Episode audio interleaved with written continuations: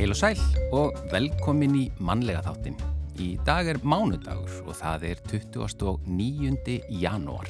Já, og mánudagur þýðir að við fáum vingil frá Guðjóni Helga Ólafsinni. Þetta verður 70. vingilin sem við fáum frá honum í dag og hann mun leggja vingilina því sem hann kallar þjóðfræði nördisma, snjó á trjágreinum, Finnland og fræga finna og auk þess sem finska þjóðkvæðið Kalivala og upprunni þess fær töluverða aðtegli. Já, en uh, við ætlum að byrja þáttin samt, uh, það er að segja Íslensk erðagreining tilkynnti nú bara fyrir klukkustund að vísindamenn á þeirra vegum hér á landi í Dammörku og Bandaríkjónum hafa fundið erðabreitileika sem hefur áhrif á endurröðun erðaefnis og eigur líkur á fósturláti. Og í erðaransókninni tóku þátt yfir 114.000 konur sem mist hafa fóstur. Kári Stefánsson, fórstjóri Íslenskrar erðagreiningar og Valgerður Steinþósdóttir vísindamæður og verkefnastjóri hjá Íslenskri erðagreiningu verða hjá okkur hér á eftir alltaf útskýraðins betur þessa rannsókn og niðurstöður hennar. Já, svo er það lesandi vikunar og í þetta sinn er það Sigrún Inga Sigurgeistóttir. Hún var að hætta störfum á bókasafni Vesmanæja og eins og hún segir sjálf, þá er hún að nota í fyrsta skipti titilinn eftir launathegi. Við ætlum að spyrja hana út í hennar störf á bókasafninu og fáum svo auðvitað að vita hvaða bækur hún hefur verið að lesa undanfarið og svo hvaða bækur og höfundar hafa haft mest áhrif á hana í gegnum tíðina. Já, en við byrjum auðvitað á tónlist eins og alltaf þetta er Pálmi Gunnarsson og lag Magnúsar Eiríkssonar Þorparinn.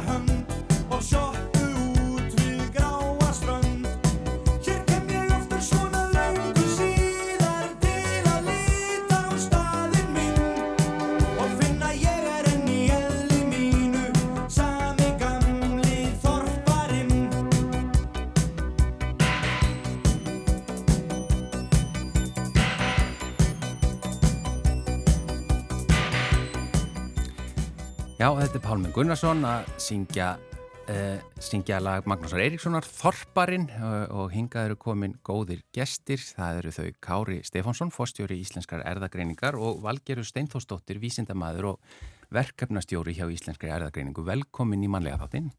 Takk. Takk, takk. Það var bara fyrir klukkustund sem að það var tilkynnt um þessa, um þessa breytingu eða það er að segja að, að þið hefðu vísindamenn á, á vegum íslenskra erðagreiningar hér á landi í Danmörku og Bandaríkjónum hefðu fundið erðabreitileika sem hefur áhrif á endurröðun erðaefnis og eigur líkur á fósturláti. Þetta var risa stór rannsókn, ekki satt? Já, þetta er nokkuð stóra ansók sem við höfum verið að gera undan farin ár og, og hérna þarna tóku þátt uh, næri 115.000 konur sem að hafa mist fóstur. Já.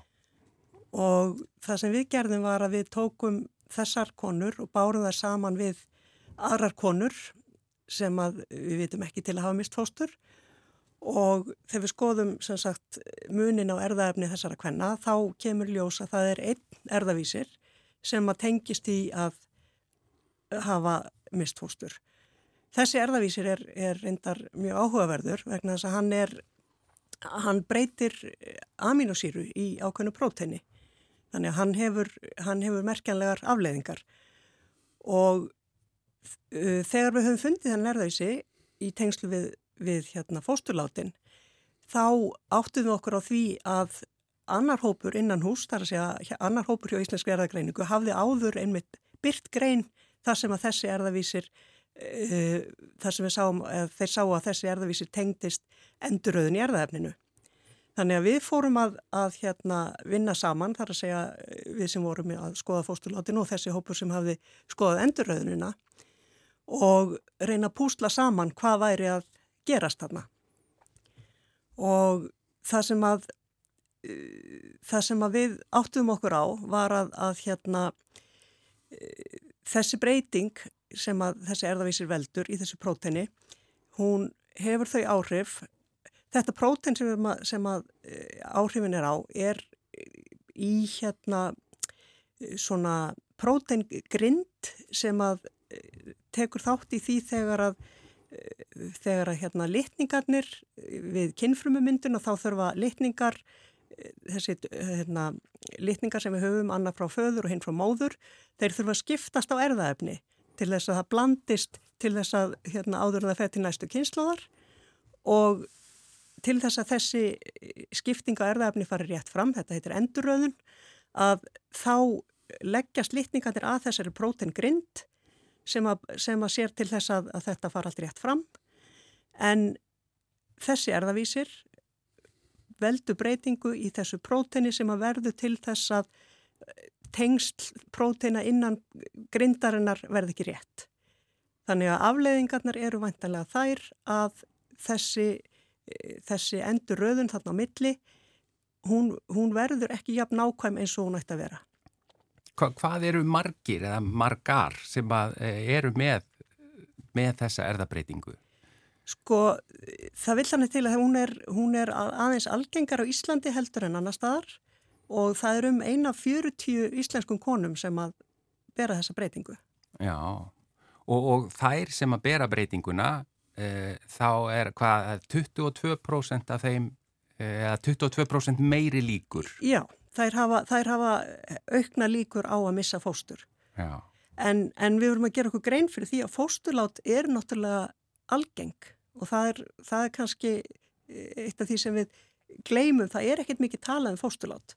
Fósturlát eru, já það er líklega eh, um 15% af, af greindum hérna, þungunum sem að enda með fósturláti. Já. Þannig að þetta er ótrúlega algengt og við skiljum samt ekki mjög mikið hvaða er sem veldur þessu. Og í flestum tilfellum fær fólk ekki mikla skýringar á hvað veldur fóstulati. Já, þannig að þetta hefur ekkit mikið verið rannsakað. E, þetta hefur, það er auðvitað alls konar rannsóknir í gangi en, en ekki, þetta hefur ekki mikið rannsakað í, í tengslu við svona erðafræðina. Mm. Þetta, er, þetta er að vísu verð þess að geta að af frjókunin og meðgangur og þetta allt saman er svo flótið að það er bara stórkostlegt að það fæðist nokk tíma barn. Þannig þetta er prósessin sem slíkur er það flótið. Og þessi endurröðun sem, sem Valdjörður var að tala um er hluti af þeim aðferðum sem að náttúrann hefur til að búa til nýjan fjölbreytileiki röðun nýtubasa í erðamiki mannsins. Það er að segja endurröðunin gerir það verkum að að þessi litningar sem fóraldreitnir hafa ært frá fóraldum sínum að þeir blandast saman þegar þeir eru fluttir yfir til akvamisins og ég, í svo enduröðun hún býr til nýja samsetningu af breytanleikum. Og svo ofan af það þá kom hann hér nýju stöpbreytingar e, meðal einstaklingurinn fæðist með 75 nýja stoppbreytingar og það er stoppbreytingar er út um allt í jarðamindjunu en enga síður þá er í kringum eitt af hverjum tíu börnum sem fæðist með stoppbreytingu sem eigðil okkur erðavísi. Hmm. og, og e, þegar slikt gerist þá eru stóra líkur af því að barn fæðist með dalti alvarlegan sjúdum sem ekki mikið hægt að gera við og þá spyrir maður hvað er að gera þegar ekki hægt að finna aðferðis að koma í vekk fyrir þessar stoppbreytingar En svari við því er að þá myndum við binda endan á okkar dýratjónd því að þessir breytanleikar verða að koma til þess að við getum haldið áfram að þróast og aðlagast nýju umhverfi. Bara hluti af þróunin. Þetta, þetta er hluti af, af því sem gerur það verkum að við sem dýratjónd getum haldið áfram að vera til. En fyrir þann möguleika þá er einstakka einstaklingur sem borgar háan prís með því að fæðast annað hvort með mjög, mjög slæm heilkenni sem að, að sérstaklega heilkynni sér lútað starfsemi heilans eða mjög slæm krabbaminn sem að gerast hjá ungum börnum. En það sem er svo mertilegt við þessu uppgötun valdjörðar er að ef að það er stoppbreyting sem eigur líkur á fórstuláti þá eru mjög mikla líkur að því að svo stoppbreyting hún skólist út úr okkar eða meðjum. Væna þess að, að ef að stoppbreytingin er til staðar þá eru meiri líkur á því að það fæðist ekki einstaklingur með þetta erðamengi. Þannig að hún stildi finna þessa stöpbreytingu sem hefur þó þetta stóra áhrif er, er svolítið förðulegt og, og, eh, og gleðilegt að það skulle hafi tetist að finna þetta og sérstaklega að því að þetta er stöpbreyting sem hefur á áhrif á það hvernig litningar bindast saman og þegar það er sko forsenda þess að enduröðinu geti átt í stað er að þessi litningar sem kom annarkvar frá föður eða sem kom frá föður og móður að þeir geti stifta á erðaefni er að þeir bindi svona saman. En, en þeir þurfu ekki bara að binda saman heldur þurfa þeir líka síðan að stíljast að. Og ef þeir stíljast ekki að eðlega þá myndast alls konar vandamál í samvætti við litningina, vandamál á borð við, Downs heilkenni og svo framvið, svo framvið. Þrísómi 21 eftir að segja það eru þrjú eintök af einn litningi. Þannig að þegar maður horfir á allan þannan sko allt þetta flokna batteri sem fer í að búa til mann að e, þá velti maður því fyrir sér hvort að hvort að e, ef þróunin hafi verið fullkomlega edru þá hún setti þetta saman allt saman þetta er svo flótið og, og e, sjálf eins og ótrúlegt að, að, að þetta skuli vera það sem býra baki öllum þeim einstaklingum okkar dýratöfundur sem fæðast. Hvernig nýtast svona merkilega niðurstöður eins og þessi sem þið eru að kynna í dag? Það nýtast náttúrulega fyrst og fremst með því að við okkar hlutverk er að stilja okkar dýratöfund. Right? Við erum að reyna að stilja mannin, við erum að reyna að stilja fjölbreytileika mannsins og þegar þú stilur það sem er að gerast, þá er alltaf svo mögulegt hjá að getur fundið leið til að takast á við það.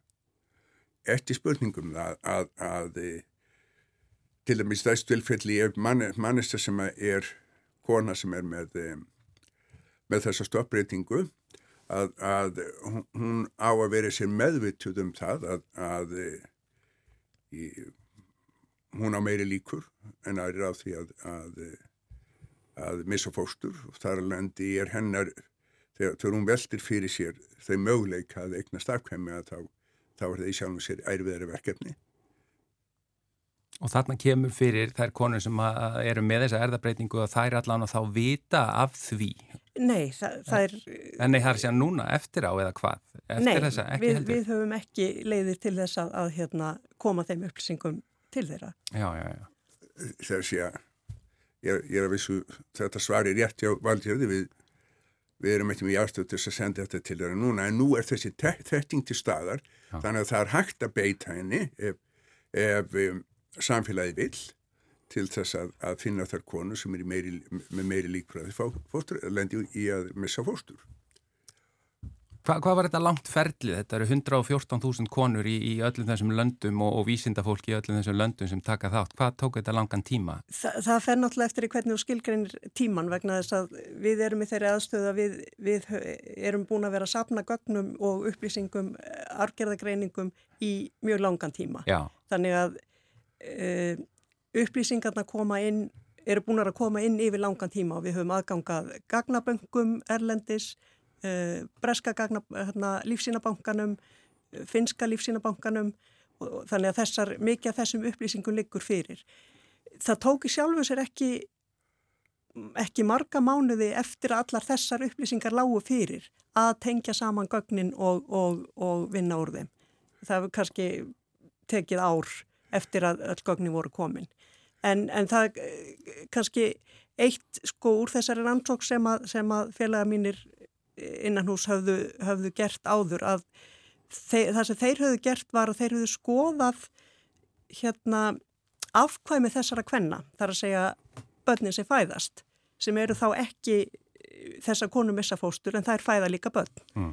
Og í þeim börnum, það sem þeir sáu þar, var að, að uppstokkunin á erðaefninu var öðruvísi, hún var frábrugðin eh, hérna öðrum, þar að segja að þeir fundu að að hérna, skipti á milli eh, litninga voru, voru á öðrum stöðum heldur en í öðrum eh, hérna, heldur en hjá þeir sem ekki báru erðabreitileikan og það sem það segir okkur er að, að hérna, þetta hefur áhrif á, á uh, uppstokkunina og, og en þannig er við að horfa á einstaklingarna sem lifa af. Þar sem við höfum ekki aðgang að einstaklingunum sem að sem að látast, þar að segja fósturlátunum.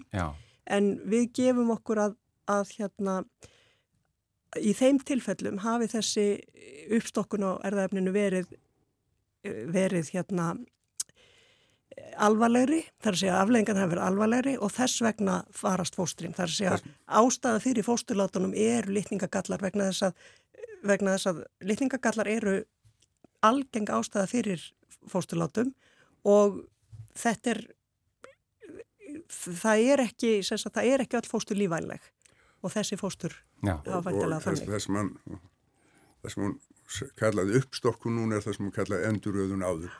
Og er, þessi end, enduröðun í, í akvamum þessar kvenna sem eru með þessu stofriðingu jáfnveil börnin sem fætast það er svolítið öðruvísi enduröðun þar. En þetta er náttúrulega ansi mikil vinni að þú horfið til alls þess fjölda sem tegur þátt í þessu. En þetta er bara eitt af mörgum verkefnum sem Valdur eru búin að vera að vinna með í, á síðustu árum. Hún er búin að vera að vinna með alls konar um, sjútoma, búin að vinna með, með offitu, búin að vera að vinna með, með endometriósi, hún er búin að vinna, vera að vinna með preeklamsi, hún er búin að vera að vinna með alls konar vandamál sem að, að lúta að, að fæðingar vandanum í sjálfum sér og þessi, þessi vinna hún hefur öllum líknum ekki verið ekki tekið mjög langan tíma sem slík. Hún, hún tók stýttri tími margt en það er alltaf gaman þegar það hægt er að svona hérna ljúka verkefni þar að segja reyka endan hútin á að koma framfæri ákveðinu nýjum skilningi sem ekki var til staðar áður. En, en það er engin endan hútur til af þessum verkefni. Nú er að náttúrulega að vinna með ungum, mjög duglegum výstamanni sem heitir Hákon sem er búin að vera að vinna í samfunnu við við Kaupmannarhafnarháskóla að raðgreina fóstur sem hafa, sem hafa komið í gegnum, gegnum fósturlátt. Mm. Það er að segja nú að raðgreina erðamengið úr, úr fóstrunum sem lifiðu ekki af og út af því hefur, er að koma alls konar upplýsingar um það hvernig, hvernig litningagallar e, búað bati fósturlátti, hvernig þeir litningagallar geta verið mjög umfangsmiklir Þannig að, að þessi, þetta verkefni valdjörðar er mjög stilt mörgum öðrum verkefni sem hún er að vinna að með öðru fólktíðin innan fyrirtæts. Við þurfum að fá þetta að koma aftur valgerur og fara betur með okkur yfir önnur verkefni en þakka ykkur innlega fyrir komuna í manlega þáttin Kári Stefánsson og valgerður Steintósdóttir. Takk, takk. takk. Like a bird on the wire Like a drunken midnight choir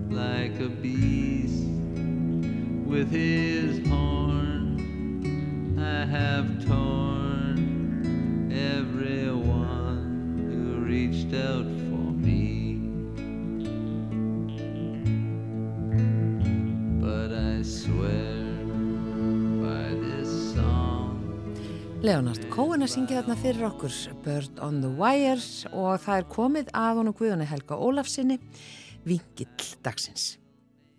Ágætu hlustendur. Nú stendur þannig á að lognið er að flýta sér hérna framhjá. Þið kannski heyrið einhvern kvinn og, og knauð. Það er bara við hæfi á þorra. Ég vona að dagarnir veit ykkur gleði og unnaði hæfilegum skömmtum. Við óumflíjanlegan hverstagsleikan, nú er bóndadagur nýja af staðin. Og þá var ég svo stálheppin að komast í hádegismat á dvalarheimilinu Ási í hveragerði og naut þess virkilega enda framreitur allur besti þorramatur og sungið og eftir, ég byrði nú ekki meira. En til að fyrirbyggja allan miskilinga þá fekk ég nú að fara heima aftur eftir matinn, hvað sem, ja, hvað sem síðar verður. Þorrin ætlar að byrja svo litið kuldalega hjá okkur og nú hefur snjóað aðeins, hlaðist á trjágreinar og, og önnur verðmæti hér í kring.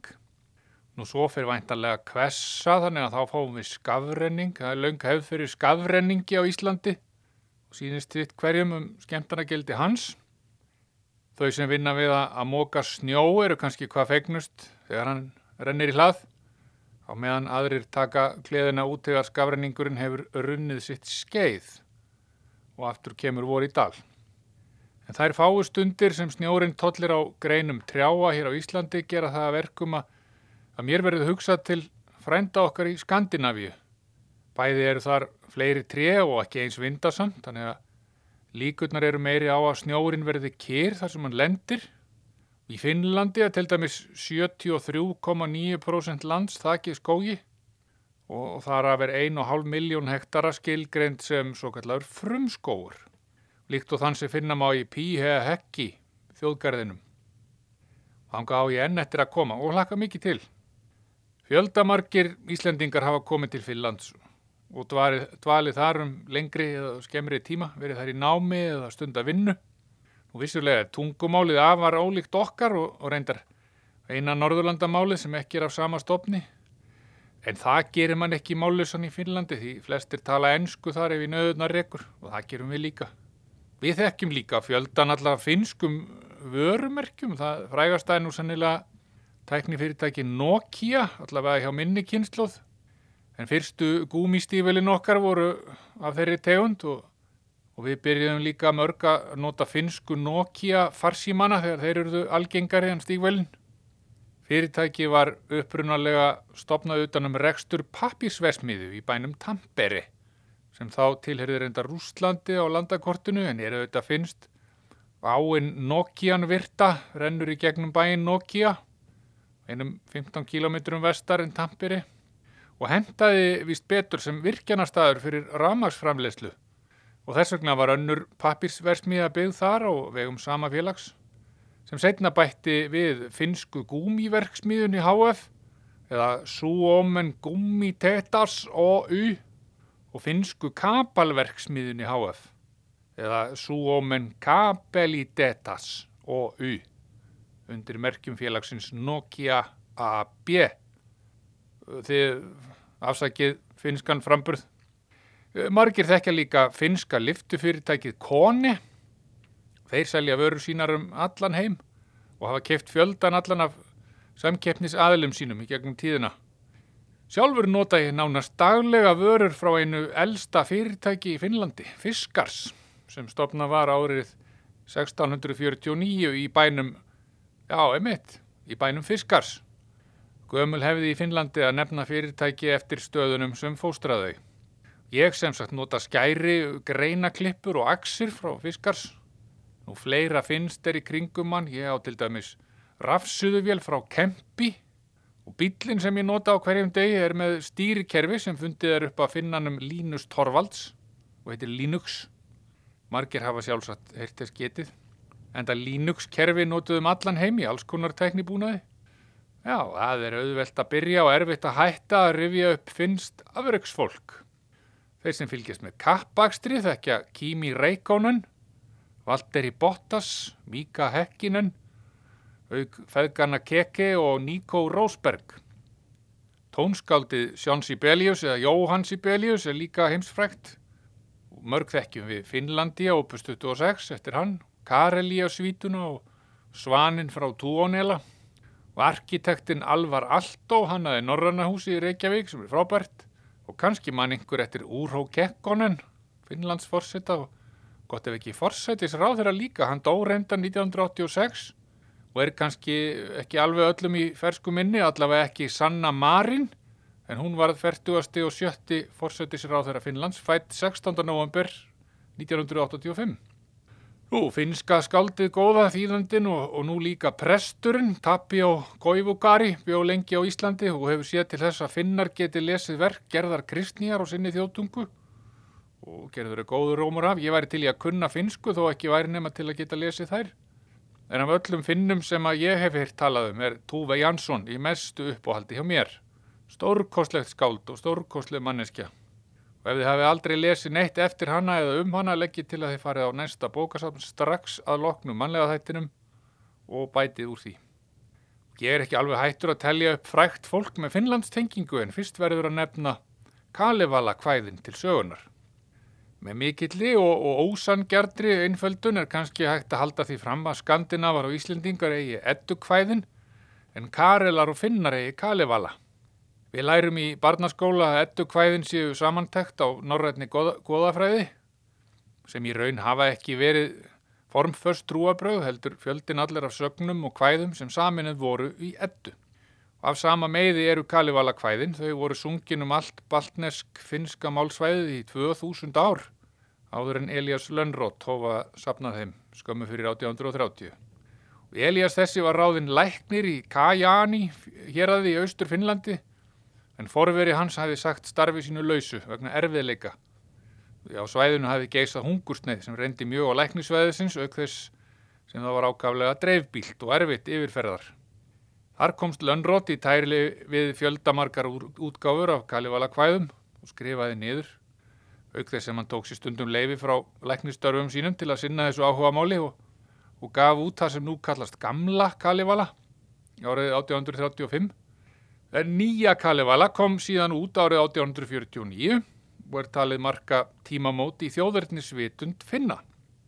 Með nýju Kalevala tókst Lönnrott að búa til eina samfeltasögu úr þessu gríðarmikla sapni gamalla munnmæla og hvæða auk þessum því er haldið fram að hann hefði sjálfur orrt nokkur hvæðana til að fá betri heildarmynd á viðfangsefnið. Hvernig sem því er farið breytir ekki neinu úr þessu. Kalevala er og verður þjóðkvæði finna og fjallar um sköpun heimsins í 22.795 línum. Á heimasíðu háskólans í Óbo er eins og víðar í finska fræðasamfélaginu fjallaðum Kalevala og merkingu þess. Við stuttum áli má í þýðingu þess sem hér talar segja að í kvæðinu sé sungið um táldrátt, þjáningu, sjálfsmorð, galdra og grát en líka um endurfæðingu, hjónabönd, hátíðir, sigra og söngva. Kalevala inniheldur þætti úr hennu daglega lífi finnsku þjóðarinnar, sem frá alda öðli hefur synt búsmala sínum, bruggað bjór, bakað brauð, synt húsverkum og baðast í heitri gufu, sem fengin er úr tandurhreinu vatni og orgu skóarins mikla sem þekur landið. Tvo fræga einstaklinga Nei, fyrir auðvitað. Þrjá, langa mig að nefna í viðbót áður en umsjónarfólk mannlega þáttarins tekur aftur við keirinu. Hann fyrsta langar mig að nefna vegna þess að mörg okkar segjast alls ekki kannast við Kalivala og halda jafnvel að það sé einhver heimaserviska finna sem fáir þekki. Með það er fjarrir sanni. Því til dæmis hefur Jóðar Tolkien sem eins og við vitum samtinn og Hobbitan, Ringadróttinsögu og Silmarillion Hann nýtti sér ekki síður minni úr Kalevala en ettukvæðum við gerð þeirra, svo ekki sín og minnst á tungumálinn sem hann bjóð til og notaði í bókum sínum. Á skrifborði mínu eru Kalevala kvæðin í tveimur bindum í íslenskri þýðingu Karls Ísfelds, sem auk þeirra þýtti Kátir voru Karlar og Ægisgata eftir John Steinbeck og söguna af góðadátanum Svæk eftir Jaroslav Hasek og nú verða frægukallarnir fimm en ekki þrýr, ég byrði ykkur forláts Sumir vilja endilega að Kalivala kvæðin verði þýtt upp á nýtt og fær til nútímamáls. Ég legg ekki mat á það en það kann ég ekki finsku. Því miður. Nú er ég búin að þylja upp næju mína af nöfnum þekktra einstaklinga og get farið aftur út að móka snjó. Ég kveði ykkur með nokkrum vísum úr fyrra bindi Kalivala kvæðana í þýðingu Karls Ísfelds. Til vitnum hefst. Hermt er svo í fornum fræðum, fyrri menn svo orðum leittu, einsemt helguð, nóttin nálgast, nýr í einsemt dagur rennur, væna maunen, einsemt alin, einnig var hinn söngva prúði, alin móður eða lindri, ilmatar af háfa kyni. Dóttir loftsins lúa notar, lilju fögur digðu ungmei, Lifað hafiði lengi jómfrú langar stundir skýrlíf dvalist upp á heimins yða völlum, óðalsríki bleikra stjarna. Leið er byðin langar stundir, lífið dapurt, fátt til indis. Einveran er ungri stúlku, ömurleg í jómfrúr dómi, upp á heimins yða völlum, óðalsríki bleikra stjarna. Sjá, nú kvatar hún til jarðar, Kvíldar leitar sér á bárum, hóglega að hafsæng votri hallast, beði stórra sæfa. Í sömu andrá ólmann kvesti, austan stormur blés og gestist, yfði hafið, æsti bylgjur, allur særin raug í kófi. Unga mei rak undan vindi og hún salt á bylgju toppum, Barstum sæ á bólgnum öldum, brimfekstum og löður tipptum. Uns í mjúku ægis fangi, auðnan veitti henni getnað. Væna maunen, æsku ítur, átti dvöl í móður kviði, aldir sjö hinn unga móðir, alið gata í frumbur þennan. Gret hún þá í hljóði og hreyfiði af harmi sárum þessum orðum. Ill voru mér örlög sköpuð, engin ró, og friðland hvergi. Dæmd er ég um höf að hrekjast, himni stjörnu bláum undir, leikfang aldna og æsi vinda, er ég rekald hafs á bárum. Hossast ég á hranna bökum haf djúpana ægi víðu. Ég á örglega eftir að minnast oftar á Kalivala kvæðin, en núna byrði ég ykkur að eiga góðar stundir.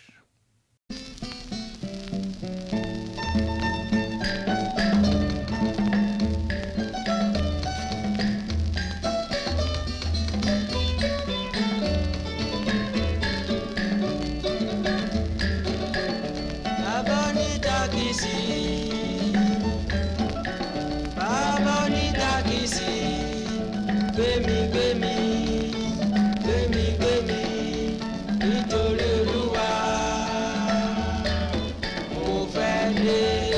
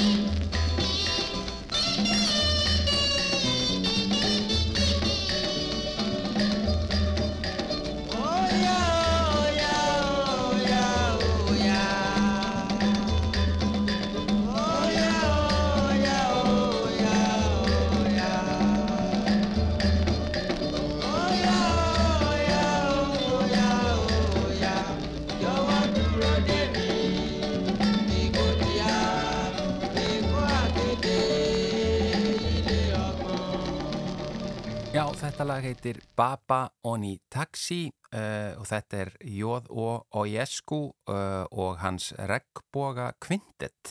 Eins og við sögðum frá í upphafi þá er lesandi vikunar í þetta sinn Sigrún Inga Sigurgersdóttir uh, og hún er á línunni frá Vesmanægjum, kontu sæl og blessuð. Blessaður, Gunnar. Takk fyrir að taka þetta að þér að vera lesandi vikunar. Það er bara skemmtilegt. Er það ekki? Jú, jú, jú, jú. Á, á maður ekki að segja til hamingi, þú varst að ljúka störfum, eða að segja hætta störfum á bókasafni Vestmanni en núna bara um áramótan ekki sett. Já, þakkaði fyrir. Þó, ég veit nú ekki hversu mikil hamingja það er, en ég er allavega ofinberlega hætt en dett þarna inn svona öðru koru sem sjálfbáðaliði að vinna skemmtilegu verkefni. Já, já. Já, Já, eh, hérna, og, og þú sagðir að þetta væri kannski í fyrsta skipti sem þú myndir nota titilinn eftirlauna þegi. Já, þetta er alveg skelvileg tímamót. Nei, nei, að sjálfsögðu ekki. Þetta er allt bara kaplaskipti eins og lífið býður manni upp á, endalaust. Já. En það var nú bara skemmtilega, við fengum ábyrtingu um að heyri þér því að þú værir mikill lestrar hestur sem að þá væntanlega er rétt eða hvað?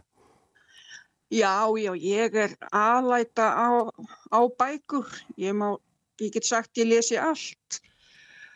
Allt frá rauðu seríun upp í örgustu krimma og æfisögur og ljóð og barnabækur og allt bara milli himins og jarðar. Og varstu þá ekki bara í kjör aðstæðum að, að vera að vinna á bókasafninu? Þetta var bara draumastarfið. Já, Byrjaði þarna 2012 og, og skil ekkert að ég hafi ekki verið löngu byrjað að vinna á bókasafni. já, já, þetta er svona, já, þannig er maður alveg við uppsprettuna, sko. Algjörlega. Ég man bara eiginlega fyrst eftir mér hérna á bókasafninu hér í eigum þegar ég er svona 10-12 ára að klöngrast upp þröngan stiga upp í hús sem að hétt Kuði og þá, og ég gat borið, ef ég maður rétt, þá gat ég borið 12 bækur í svona plastpoka. Ég komst ekki með meira í höndunum og máttu nú ekki minna að vera 12 bækur. að svona tvisar í viku cirka bát. já, já, já, já. Og, og kláraður þær bara uh, gjarnan. Já, já, já, já. Hva, hvaðan, hvaðan sprettur þessi bóka áhugiðinn og lestrar áhugið? aðalega frá mömmu. Já, Hún var mikill lestrarhestur líka og, og svo þegar maður eins og ég segi drekkur þetta inn með móðumjólkinni þá fylgir þetta manni og þetta svona hefur smitað aðeins í, í dæturnar, ekki svonin, ég skil ekkit í þessum strákum, þeir nenni ekki að lesa. nú, já, já, ég veit um nokkra sem að gera það þó. En- Já, já, auðvitað. En eh, ef við förum bara aðeins í svona hvað þú hefur verið að lesa undanfarið, svona innan gæsalappa, hvað, hvað kemur fyrst upp? Bannvætt fundur Já, eftir Anders de la Motte og Mons Nilsson. Þetta er, uh, þetta er önnur bókin í það sem að þeir hafa skýrt Österlen morðin, gerist í Svíþjóð og þetta er svona mjög, þetta er á skáni, mjög skemmtileg og svona innan geðsalappa kósi krimmi. kósi krimi, já. Já, þetta, ég nefnilega er hægt að lesa þessa ljótu, uh, hvað ég voru að segja, skandinavisku krimma, það sem er verið að skera börn niður og tróða þeim í ferðartöskur og endalust verið að flytja inn konur í gámum frá austur, austur hérna, austurblokkinni og ég nenni því ekki lengur, ég er búin með það. Þú vilt freka kósi krimana? að freka kósi krimmana það sem er kannski bara framið eitt morð og svo er verið að dúlla sér við að leita að og svona saga í kringu það. Mm. Þessi, þessi er mjög skemmtileg og, og, og hérna fyrri bókin hér nefnilega morð á opnu húsi og ég var að hugsa hvað var þetta skrítin titill.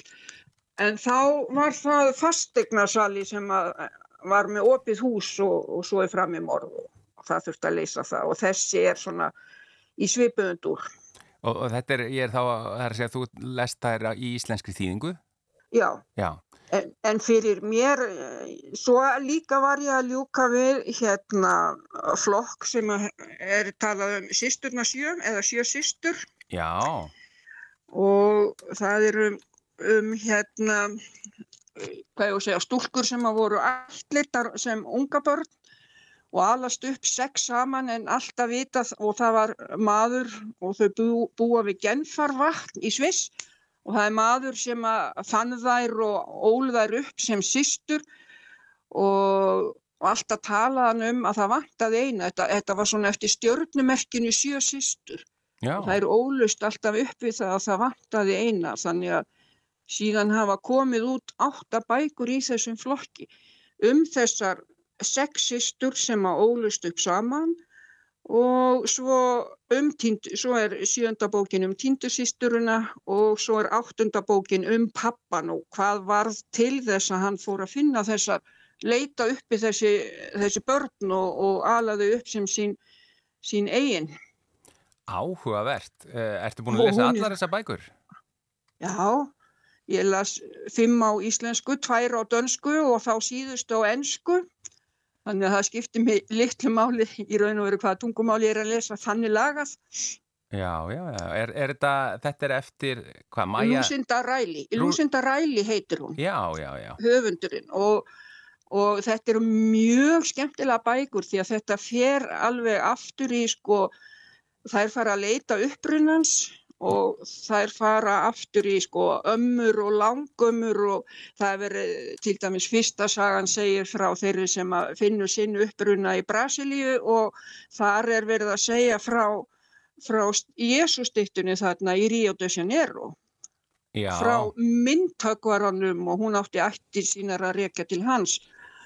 Og svo eru svona, það er þvælst til Afríku og það er einir alin upp eða finnur upp runnan í Noregi og svona þannig að, þannig að þetta er mjög skemmtilegt og ég hef svo gaman að svona, hvað ég að segja, sögulegum skáltsjónum sem að aðeins fara aftur í tíman og tengja þig við já, það sem gerðist áður. Þannig að sa- saga eða sögur þessara uh, sístra tengjast einhverjum sögulegum viðburðum.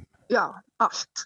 Áhugavert. Alla, all, já, allar sjö í raun og veru konurna því að hún finnst þarna í næst síðustu bókinni og þá finnst týnda sýstirinn sko. Og, og hérna og þær tengjast öllum allar einhverju svona sögulegum viðbörðum bara í mannkynnssögunni þannig að mér finnst þetta alveg en reyndar þær eru 7-800 blaðsir hver og ein. Já, Þannig að já, þetta eru, þetta, eru, þetta eru nullungar að lesa. Já, áhugavert.